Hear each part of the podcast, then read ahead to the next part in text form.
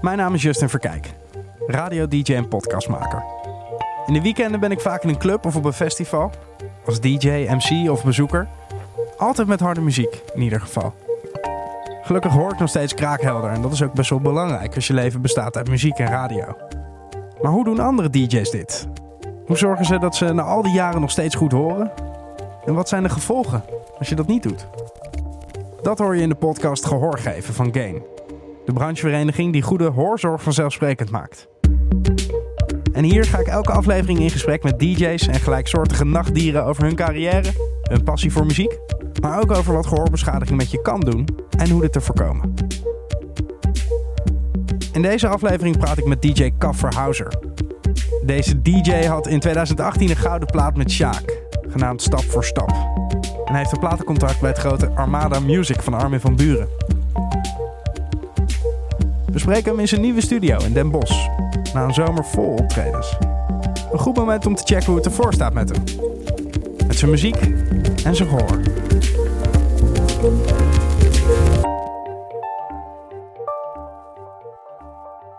Hey Kaf, Yo, ik ben helemaal in de war met die naam van jou. ja, Want, eh, want het is dus Kaf Verhouzen, Verhouser. Ja. En, maar je heet Casper. Ja, Maar hoe, hoe zit dat dan? ja ehm, nou, ik dacht, ik wil wel een soort van eh, artiestennaam toen ik hiermee begon. Want ik dacht, eh, ja, het is wel, eh, ja, ik wilde niet per se gevonden worden onder mijn eigen naam of zo. Maar toen dacht ik, ik doe KAF. Dus ik heb mijn initialen, dat zijn KAV van Casper Antal Vrielink. En toen... Vrielink. Vrielink, ja. Ja, komt een beetje Sikke, uit... sikke tweede en derde naam. Ja, vind je dat ja. apart? Ja, die, eh, die komt uit eh, Overijssel of zo. maar ja. ik kom er zelf niet vandaan, maar dat horen jullie ook wel, of niet? Ja, kom je uit Scandal? Scandal, nee. kom uit Den Bosch, jongen. Oh ja, ja, ja. Ja. Maar goed, dus eh, KAV, KAF. Toen dacht ik, ja, is wel leuk. Maar er moet wel iets achter om er gewoon echt een stempel op te drukken. Want ja, je hebt meer KAF. Je hebt ook zo'n uh, busjesverhuurbedrijf. Dat heet ook KAF. En toen was ik een keer aan het verhuizen. En toen eh, was ik met de maat van mij, ik was volgens mij aan tafel of zo, of een bank aan het show. En hij was tegenover me. Ik zo, ja man, nu weet ik het. Het wordt verhuizer. ja. En dan wel met een soort van dubbele insteek van, eh, ja, eigenlijk house muziek maken. Of van, het idee was toen om van een normale plaat een house remix te maken. Dus een soort van werkwoord. Ja. En Ja, dan precies. was ik gewoon verhuizer, kaf. En was je toen al veel muziek aan het maken? Ja, ja, maar niet zo serieus als nu. Maar gewoon eh, van alles, man. Toen was progressive in, dus progressive te maken en zo. EDM dingen. Maar klonk echt nergens naar. Maar ja, een beetje proberen.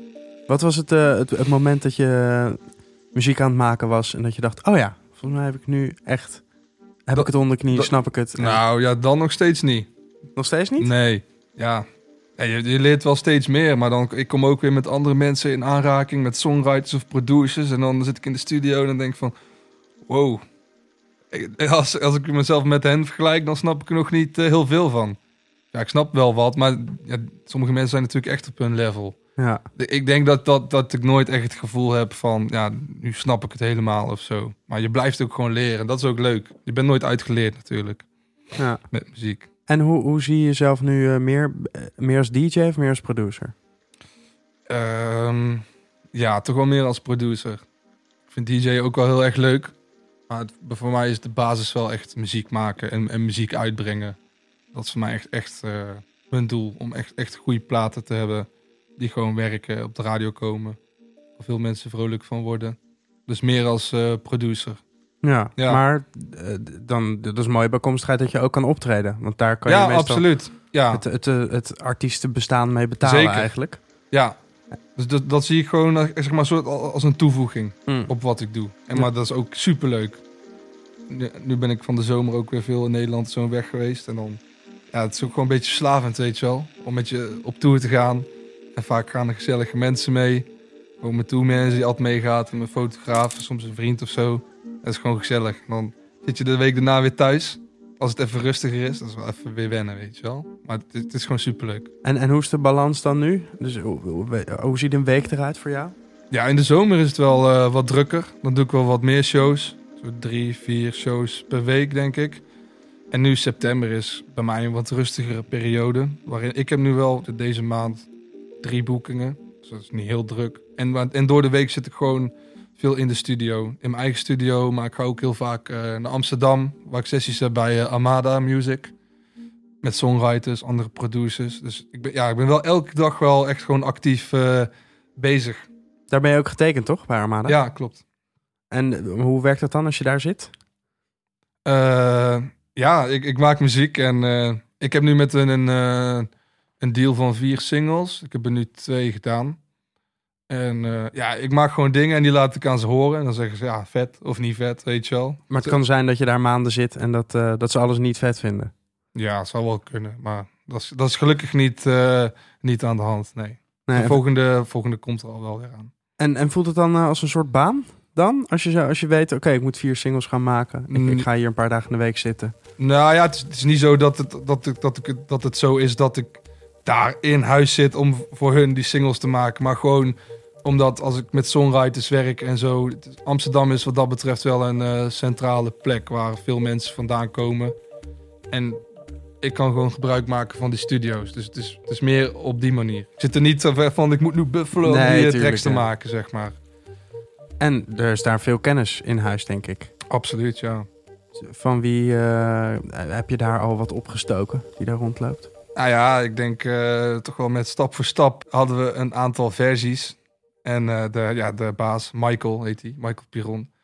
Die luisterde, Michael. ja, sowieso. Die luisterde naar die, naar die versie. En in de eerste demo vond hij vond hij super vet.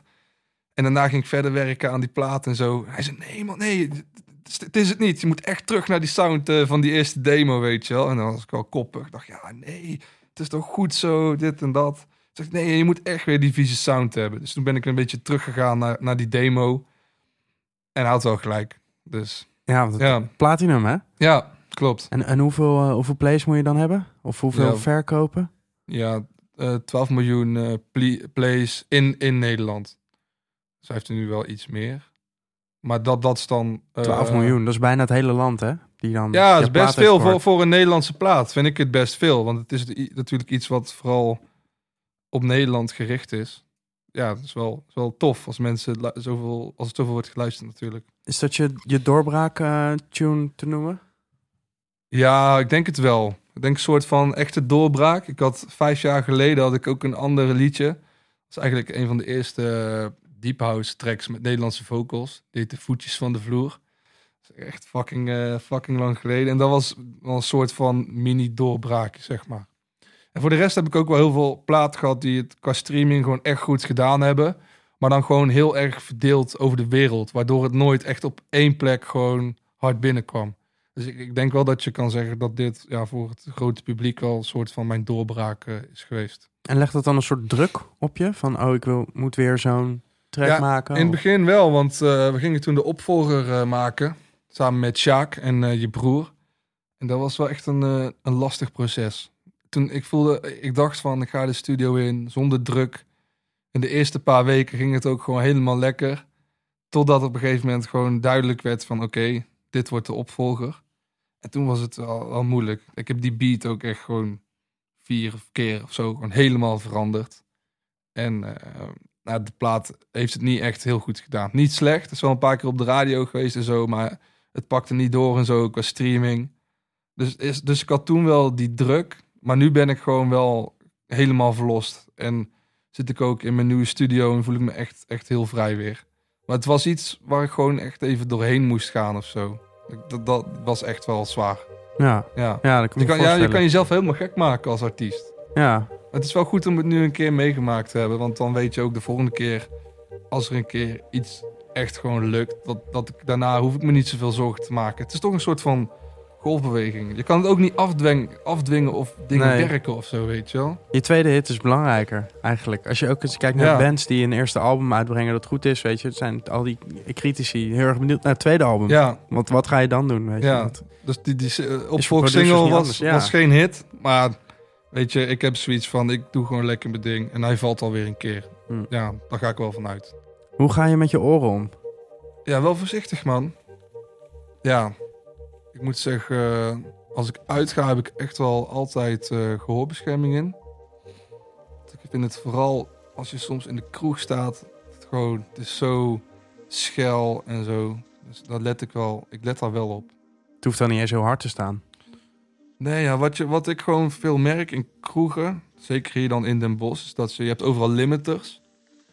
En de bas maakt natuurlijk eh, veel geluid. Dus wat dan vaak gebeurt, is dat die bas gewoon bijna dicht wordt gedraaid. En die, die high is gewoon helemaal open. En ik, ja, dat trek ik gewoon niet. Dus ik heb altijd gehoorbescherming in. Ja. En hoe is dat in de studio als je muziek maakt? Ja, dan kan die soms wel wat eh, harder gaan. Ja. Je- let je dan wel op je oren? Denk je dan, oh shit, ik moet nu eh, ik moet, ik moet het zachter doen. Of ik, eh, misschien moet ik toch mijn oordoppen in doen. Nou ja, oordoppen in de studio, dat vind ik niet zo'n heel goed idee. Kan je beter gewoon zachter zetten, denk ik. Ja, ik weet het niet. Ja. Ja, nou ja soms, ik denk dat in de studio soms wel iets, eh, soms wel iets te hard gaat. Ja. En heb je misschien mensen in je omgeving die gehoor- gehoorbeschadiging hebben opgelopen? Nee, gelukkig niet. Nee. Zou je kunnen voorstellen hoe het is om iets van gehoorbeschadiging te hebben?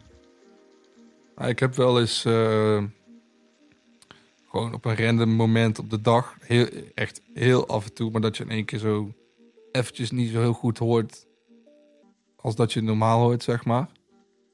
Of e- even een korte piep en dan denk ik wel van, oh shit. Stel je voor dat je dit gewoon altijd hebt of zo.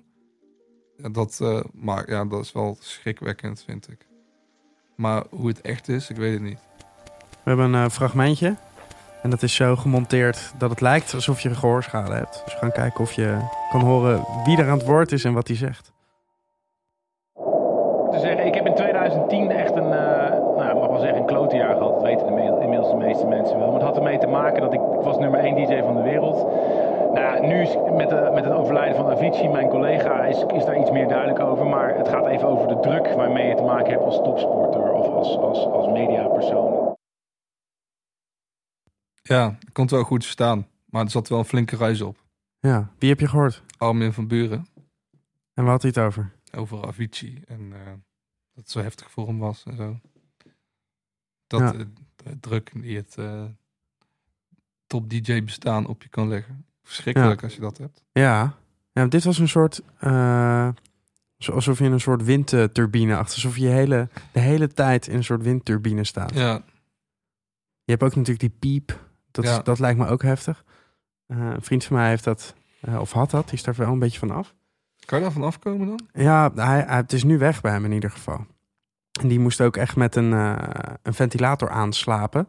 Om zich, zeg maar, zodat hij zich ergens anders op kon concentreren. Ja. Die werd helemaal gek. Gewoon. Even terug naar Avicii. Hoe, eh, hoe heb jij dat beleefd toen dat gebeurde? Ja, ik vond het echt heel erg eh, heftig. Zeker ook omdat ja, Avicii is wel iemand waardoor ik ben begonnen met muziek maken.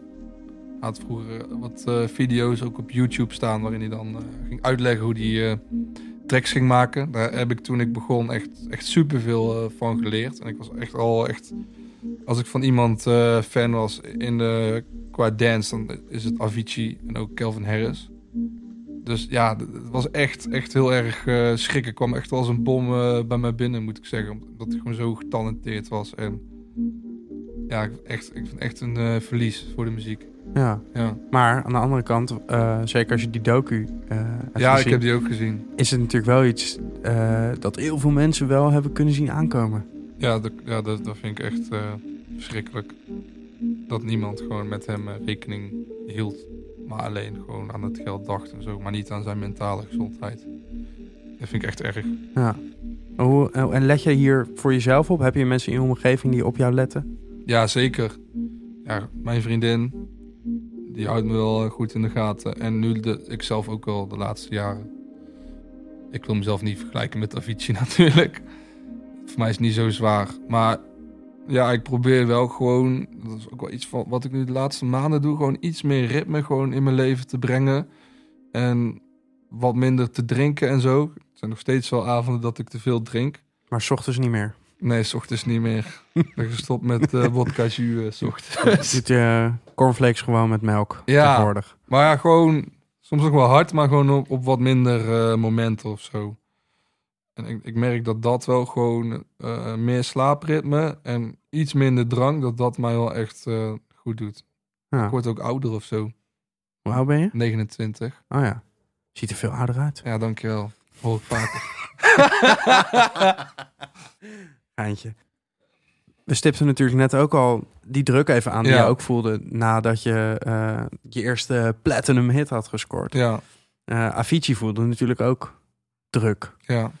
Is dat... eh, hoe vind je manieren om dat naast je neer te leggen of om daarmee om te gaan? Ja, als je, als je er eenmaal in zit, is het echt heel erg moeilijk. Kijk, Avicii heeft natuurlijk veel meer druk dan ik. Maar wat, wat ik, ik vooral had, is dat, dat ik mezelf gewoon helemaal eh, gek aan het maken was. En gewoon veel te lang aan die plaat aan het werken was. En er veel te veel over aan het nadenken was. En als je daarin zit, is het wel echt heel moeilijk om eruit te komen. Wat mij toen wel hielp, eh, wat mij toen wel hielp, was veel sporten dat kon me wel een beetje op andere gedachten brengen. Ja, ik weet niet. Voor de rest is het geleidelijk wel een beetje eh, weggeappt of zo.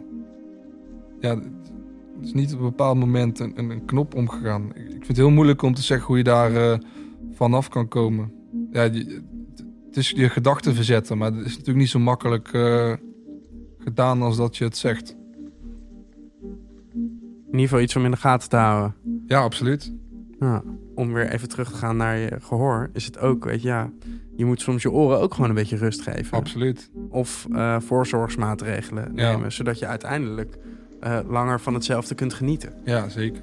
Eh, dus dat is denk ik, werkt denk ik hetzelfde met, ja, met druk op Ja. je leven of op, op, op je werk of wat dan ook. Mhm. Diep, hè? Ja, man. Voel jij jezelf verantwoordelijk als jij, zeg maar, je bent in een club aan het draaien, Ja. voel jij jezelf verantwoordelijk voor de oren Zeker. die naar jou luisteren? absoluut. Absoluut. Want eh, soms dan kom ik eh, ergens en dan, eh, ja, dan, zie ik dat, die, gewoon, dat ding gewoon helemaal in het rood staat, weet je wel. En dan denk ik van, ja, moet wel even terug. Maar je hebt niet als DJ niet altijd in de gaten hoe hard die in de zaal staat. En soms dan zie ik wel, wel eens mensen gewoon, ja, hun handen voor hun oren houden of zo. Maar ik weet dan niet hoe hard het in de zaal staat. Dus als, als ik dat soort signalen zie, dan zet ik hem wel altijd naar beneden. Want ik vind niet dat dat hardere muziek altijd beter is. Als het geluid gewoon goed is, dan hoeft het ook helemaal niet zo hard eh, te zijn. Dus ik, ik probeer daar wel rekening mee te houden. Ja. Ja.